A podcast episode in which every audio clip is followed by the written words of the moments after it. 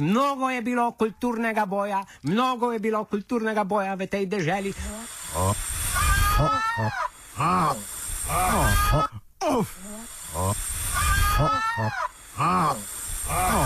Offside.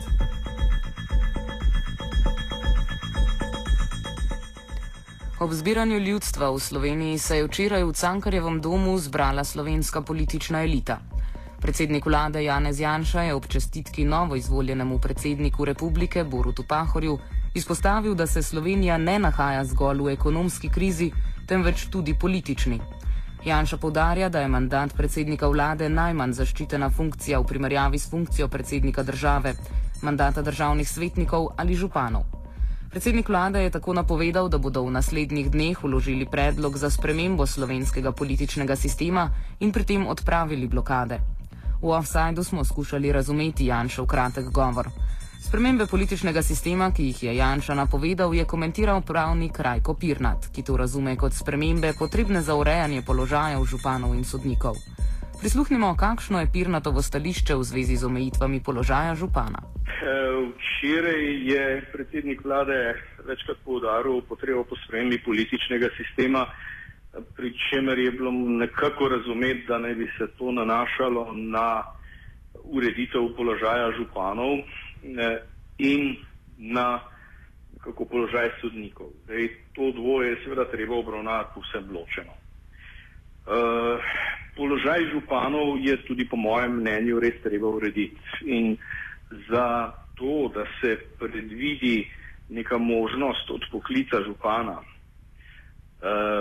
recimo z uh, tem, da lahko določeno število voljivcev občini zahteva predčasne volitve župana, kot tudi, da se uredi nekakšen lokalni impeachment, torej nekakšna obtožba župana za nezakonito ravnanje pred nekim sodiščem, pa je treba videti, katero sodišče bi to bilo, najbrž ni potrebno, da je ravno ustavno. Uh, to se strinjam. To se da tudi urediti brez ustavnih sprememb, uh, zgolj se spremembo zakona o lokalni samoupravi, za kar zadošča navadna večina. Uh, Seveda, čisto nekaj drugega pa je posegati v razmerja delitev oblasti, kar je mogoče razumeti, ko je predsednik vlade omenjal uh, sodnike. Zdaj, seveda ne vem, kaj je imel v misli. Gotovo uh, je za nezakonito uh, delo sodnikov že sedaj predvidena možnost, dovolj dobra možnost razrešitve. In zdaj, kaj drugega je imel v mislih, na vsak način pa bi jaz ne zagovarjal poseganja v razmerja delitve oblasti.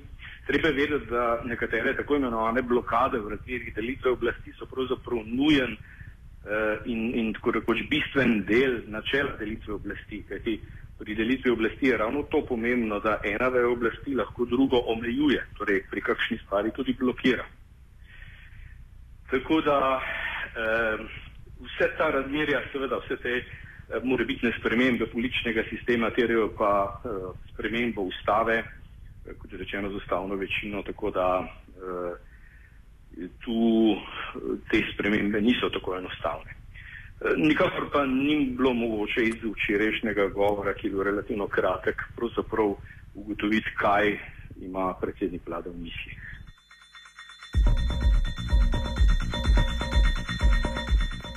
Zadnje dni se je znotraj uredništva novomeškega čuvarja pojavila inicijativa za upeljavo instrumenta ljudske nezaupnice v Ustavo Republike Slovenije.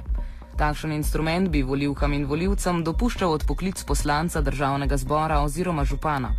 Govorili smo z Urošom Ljubejom, enom izmed podbudnikov ljudske nezaupnice. Prav, uh, instrument ljudske nezaupnice je v bistvu oblika neposredne demokracije, se pravi bolj neposrednega odločanja ljudi pač o, o, o, svojih, o svoji usodi oziroma o svojih voditeljih. Gre za to, da bi upeljali v pač slovenski pravni red možnost, da se pač nekim glasovanjem na demokratičen način, na meren način, ne da bi bilo potrebno vem, uh, iti na ulice, protestirati, se spopadati uh, s policijo, da, prav, da da imamo neko možnost odpoklica pač tistih ljudi, ki so zgubili naše zaupanje, uh, bodi si zaradi korupcije, bodi si zaradi laganja, ponarejanja ali karkoli že. No. Zdaj, predvsem gre zdaj v tem trenutku za uh, župane no, in za poslance državnega zbora, ne, ki imajo nek v bistvu uh, skoraj da nedotakljiv mandat. Ne. To je v bistvu bistvo uh, te peticije, no, ki smo jo objavili. No, in, kar, kar že številni podpisali. No, zdaj, mislim, da okrog 20 tisoč no, v teh petih, šestih dneh. Uh mhm. Zdaj povej mi, kaj, kaj se mora zgoditi, da pride ta eh, pač vloga oziroma ta inštrument v dejansko uveljavo? Uh, ja, zdaj zakone pač v naši državi sprejema državni zbor. Ne, se pravi, da v tem trenutku je edino državni zbor tisti, ki lahko, ki lahko tak um, ki lahko tak za, zakon sprejme. Zdaj, čist, čist točno bi, jaz lahko la, laječno govorim pač o tem, kaj bi bilo treba narediti, se pravi, spremeniti kar se tiče županov, mislim, da bi bilo treba spremeniti uh, pač zakon, ki, ki določa, uh, kdaj lahko županski mandat preneha, ne, zdaj točno imena tega zakona jaz ne bi uh, govoril, oziroma da ne bom kje narobe formuliral. Uh, glede Anto sem pač bi mogoče res bil kakšen pravnik bolj primeren za to, kaj bi bilo treba narediti, ali je to zakon o poslancih, ali je potrebno celo, kakšna sprememba ustave. Um, skratka, državni zbor je tisti, ki, ki na koncu bi moral o tem odločati. Ne? Zdaj, kako pa pridemo do zakonov, je pa zdaj druga zgodba. Uh, ampak še vedno na koncu poslanci sami tisti, ki, ki bi o tem morali odločati. No? ta ideja v bistvu nima uh, samo po sebi neke uh, pozitivne programske uh, konotacije. Ne? Jaz mislim, da je to jasno, ne? da ne gre zdaj za to, da bi se, da bi se okrog ljudske nezaupnice uh, pač nekako uh, kakršnakoli politična barva lahko, lahko pač. Da, da bi se lahko prepoznala v tem inštrumentu, ker inštrument je v bistvu neutralen, je lahko pač usmerjen na, na le, levico na desnico. Ne?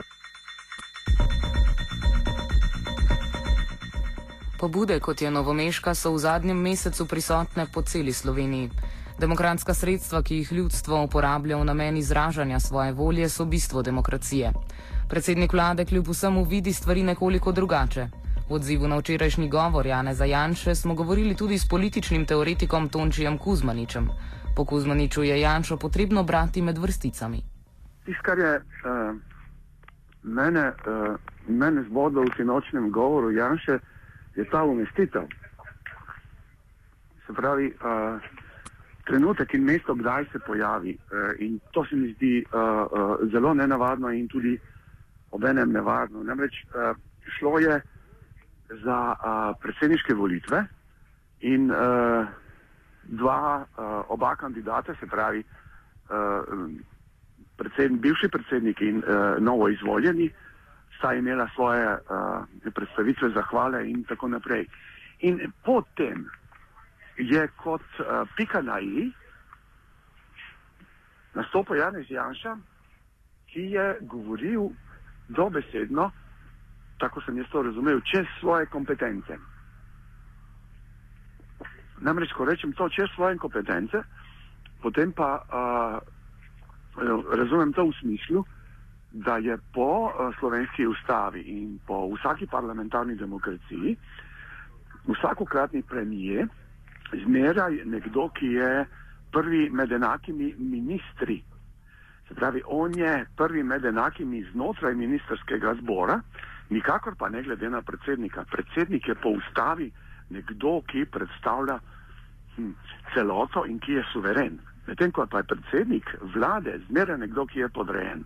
Tisti govor, ki ga je pa Janša imel, je pa uh, bil takšne narave, da je govoril čez predsednika, čez ustavo in čez celoto in sicer v smislu, še posebej uh, izrazito na tisti točki, kjer spregovori o spremembi slovenskega političnega sistema. To pomeni, da je govoril o spremembi ustave in čez ustavo.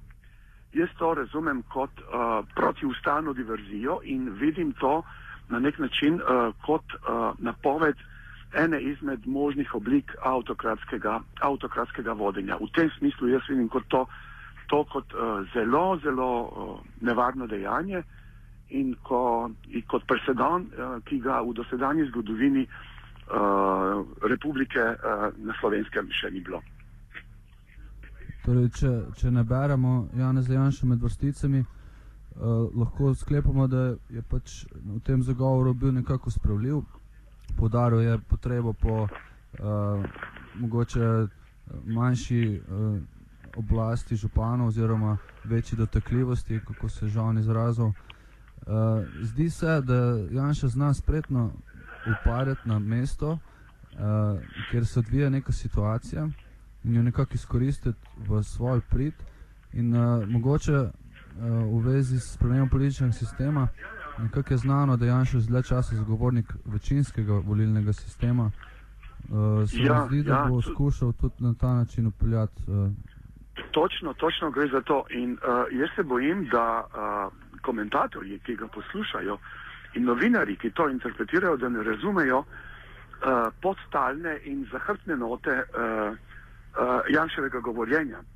Tisto, kar je tam uh, bilo rečeno in uh, to mislim, da je treba še posebej zelo močno poudariti, uh, da ni bilo samo govorjeno o, o političnem sistemu kot celoti, kar je na sebi že uh, much, pač pa je uh, analitika imela uh, še dodatna dva konkretna elementa uh, in sicer uh, gre za oceno stanja, v katerem smo. Stanje, v katerem smo, pa se glasi, da, je, eh, da ne gre več za demokracijo. Se pravi, dalo bi se reči, da Janš argumentira, kot da je demokracija ogrožena in da jo on bo šel braniti. In to mislim, da je tista najbolj nevarna točka. Ko pa pogledate, kako jo je šel braniti, pa vidite, da dejansko da napada ustavo in da je to tisto, kar jaz imenujem nevarni avtokratski element. Te dve točki, kjer je zadeva bila napadena, sta prvič pa to mislim, da ni slučajno. To je zadeva sodne veje oblasti. In drugič, kar je zelo, zelo simptomatično, je argumentiranje s tipičnim menedžerskim argumentom, to je argument uh, sindikatov. On je rekel dobesedno tole, da ne gre za demokracijo več, pač pa kvečemu za nekaj takega, kot je sindikalna demokracija. Potem pa v povezavi s tem izgovarja besedo blokada, no, skratka zelo vojaška govorica, kot je sicer običajno pri njem.